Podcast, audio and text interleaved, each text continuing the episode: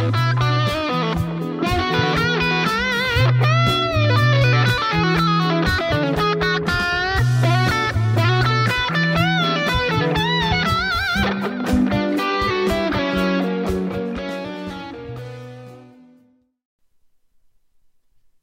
parmak.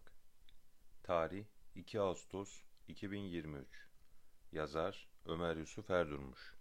Seslendiren Ömer Yusuf Erdurmuş Tetik parmak veya literatürde geçen bir diğer isim olan tenosynovid stenozing, parmakların herhangi bir hareket esnasında kasılması veya kilitlenmesi olarak tanımlanmaktadır. Tetik parmak hastalığında kilitlenen parmağın eski haline dönmesi oldukça zordur. Kimi zaman acil servislerimize gelen vakalarda bizleri de içinden çıkılmaz bir duruma sokabilmektedir. Parmağın eski haline dönme süreci oldukça ağırlı geçmekte olup tedavi süreci dikkatli bir şekilde yürütülmelidir. Tüm bu sebepler nedeniyle ülkemizin yoğun acil servisleri düşünüldüğünde özellikle el travmasıyla başvuran hastalarımızda tetik parmak tanısı ayrıcı tanılarımızda mutlaka olmalı ve tanı konulan hastalara doğru tedavi ulaşmaları açısından gerekli yönlendirmeler yapılmalıdır. Giriş Tetik parmak etiyolojisi kesin olarak bilinmemekle birlikte genellikle fleksör tendonda ve tendon kılıfında inflamasyon ve hipertrofi suçlanmaktadır. A1 pulley seviyesinde gerçekleşen bu travmadaki mekanizma nedeniyle daralma gerçekleşir ve etkilenen parmakta takılma ve fonksiyon kaybı ortaya çıkabilmektedir.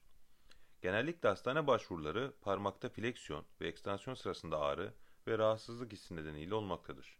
Tedavi edilmediği takdirde bu tablo parmaklarda kilitlenme şikayeti de eklenebilmektedir. Pulley ve fonksiyonları Pulley nodülleri, fleksör tendon kılıflarının kalınlaşma sonucu oluşan ve bazı eklem fonksiyonları yerine getiren yapılardır. Bunlar başlıca fleksiyon ve eklemlerin stabilizasyonun korunması olarak bilinmektedir. Pulley nodüllerinde görülen hasar, böylelikle parmakların motor fonksiyonlarını etkileyebilmektedir. Parmaklarda A1, A2, A3, A4 ve A5 olarak isimlendirilen 5 adet fleksör tendon puleyi vardır ve halka şeklinde bağ puleyleri ve çapraz puleyler yani fleksör tendon puleylerinden oluşur. Ancak baş parmağı sadece A1 ve A2 olmak üzere tanımlanan iki puley nodülü mevcuttur.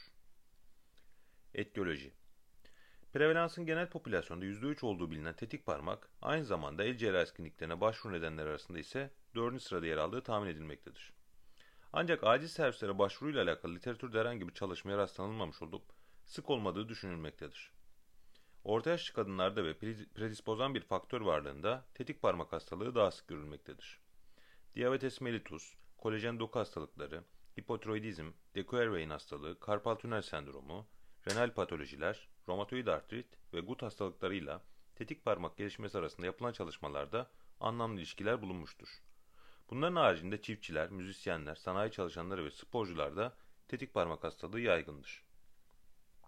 Tanı Tanı semptomların anamnezde öğrenilmesi ve fizik muayene ile konulmaktadır. Fizik muayenede parmaklarda hareket esnasında görülen takılmalar ve nodüllerde belirginleşme önemli bulgulardır.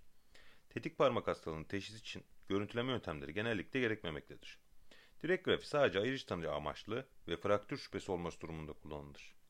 İnflame olan Pulley nodüllerinin etiyolojide önemli olduğu bilinmekte olup, ultrasonografi ile inflamasyon ve nodül düzensizliğinin değerlendirildiği çalışmalar ve klinik yaklaşımlarda mevcuttur. Tanı konulması sonrası tetik parmak tespit eden hastalarda evreleme, tedavi ve takip açısından oldukça önemlidir. Literatür değerlendirilmesi sonucunda klinik pratikte daha kullanışlı olan Quinel sınıflandırılması sıklıkla kullanılmaktadır. Bu sınıflandırılmaya göre tetik parmak 4 evrede incelenmektedir. Evre 1'de parmak hareketlerinde akıcılık kaybolur.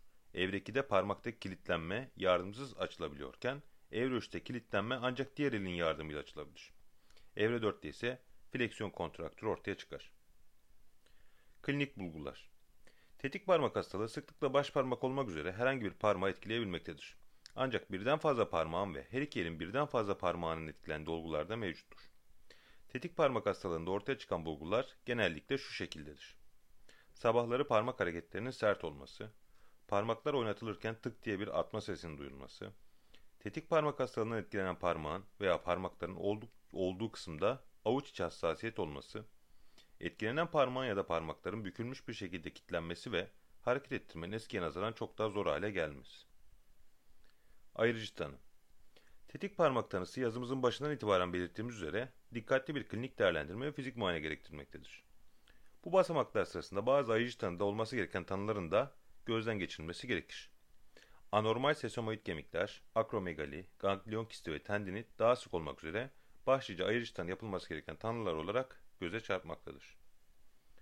Tedavi Tetik parmakta önerilen tedavi yaklaşımları, immobilizasyon splintleri, fizik tedavi uygulamaları, lokal kortikosteroid enjeksiyonları, perkütanöz gevşetme ve açık cerrahi girişimlerdir. Literatürde bu tedavi yaklaşımları genel olarak iki gruba ayrılmakta olup bunlar cerrahi ve cerrahi dışı olarak belirtilmektedir. Cerrahi dışı tedaviler Tetik parmak tedavisi özellikle komplike değilse ve kısa süreli semptomlar varsa genellikle ameliyatsızdır. Steroid enjeksiyonu ve atelleme daha sık kullanılan tedavilerdir. Steroid enjeksiyonu Tetik parmak hastalarında steroid enjeksiyonu genellikle birinci basamak tedavi stratejisidir. Ucuz ve uygulaması kolay olan bu yöntem cerrahiden daha az invaziv işlev gerektirmektedir. Steroidin tendon kılıfına verilmesi etkinliği açısından önemlidir. Enjeksiyon sonrası semptomların tekrarı görülebilir ancak birçok hastada steroid enjeksiyonu kesin tedaviyi sağlamaktadır. Steroid enjeksiyonları doku atrofisine, cilt renginin bozulmasına ve enfeksiyona neden olabilir. Bu nedenle konu hakkında uzman hekimlerce uygulanması önemlidir. Ancak tetik parmak hastalığı olan ve semptomları uzun süredir olan hastalarda iyileşme olasılığı daha düşük olup diğer tedavi seçenekleri değerlendirilmelidir. Atelleme, splintleme İnflamasyon azaltma ve tendon hareketsizliği amacıyla yapılan bir tedavi modalitesidir. Genellikle metakarpofalengeal ekleme uygulanan ateller 10 ila 15 derece fleksiyonda 6 ila 10 hafta süresince kullanılır. Ancak şiddetli veya uzun süreli tetik parmak semptomları olan hastaların fayda görmesi oldukça zor olup cerrahi tedavi süreci gözden geçirilmelidir. Cerrahi tedavi Tetik parmak patolojisinde cerrahi tedavi A1 pulleyin cerrahi operasyonda serbestleştirilmesiyle sağlanmaktadır. Tedavide altın standart olarak kabul edilir. Başlıca indikasyonları şu şekildedir. Steroid enjeksiyonu ve atellemeden fayda görmeyen hastalarda, nötral pozisyonuna döndürülemeyen kilitlenmiş tetik parmaklarda ve bebeklerde görülen tetik parmaklarda. Tetik parmak ve koruyucu önlemler. Tetik parmak hastalığında aslında gündelik hayatta sıkça yaptığımız hareketler neden olmaktadır. Bu patolojiden korunmanın en iyi yolu da aslında bu hareketlerden uzak durmaktır. Bu yüzden hastalığa yol açabilecek durumları göz önünde bulundurup gerekli önlemleri almak önemlidir. Bunları şu şekilde sıralayabiliriz. Akıllı telefonuna uğraşma zamanı azaltılmalıdır. Eller ve parmaklar gün içinde sık dinlendirilmelidir. Akıllı telefon ve bilgisayarda aşırı ve hızlı klavye kullanmaktan kaçınılmalıdır. Sporcular ve diğer risk grubundaki hastalar parmaklarında ağrı hisseder hissetmez erkenden müdahale etmeli ve semptomatik parmağa buz koymalıdır. Baş parmak, tetik parmak hastalığında en fazla risk altında olan parmak olarak öne çıkmaktadır. Bu nedenle gün içinde sadece baş parmağınızda bindirilen yük azaltılmalı ve baş parmağı olumsuz etkileyecek ve zorlayacak hareketlerden kaçınılmalıdır. İyileşme süresi Cerrahi geçen hastalarda operasyon sonrası 1 ila 2. hafta parmakların immobilize edilmesi gerekmektedir. Bu immobilizasyon sonrası ortalama 6 hafta içinde parmak eski sağlıklı haline dönmektedir. Hastaları işe veya spora dönüş süresi iş ve spor sırasında yapmış olduğu parmak hareketlerine göre değişebilmektedir.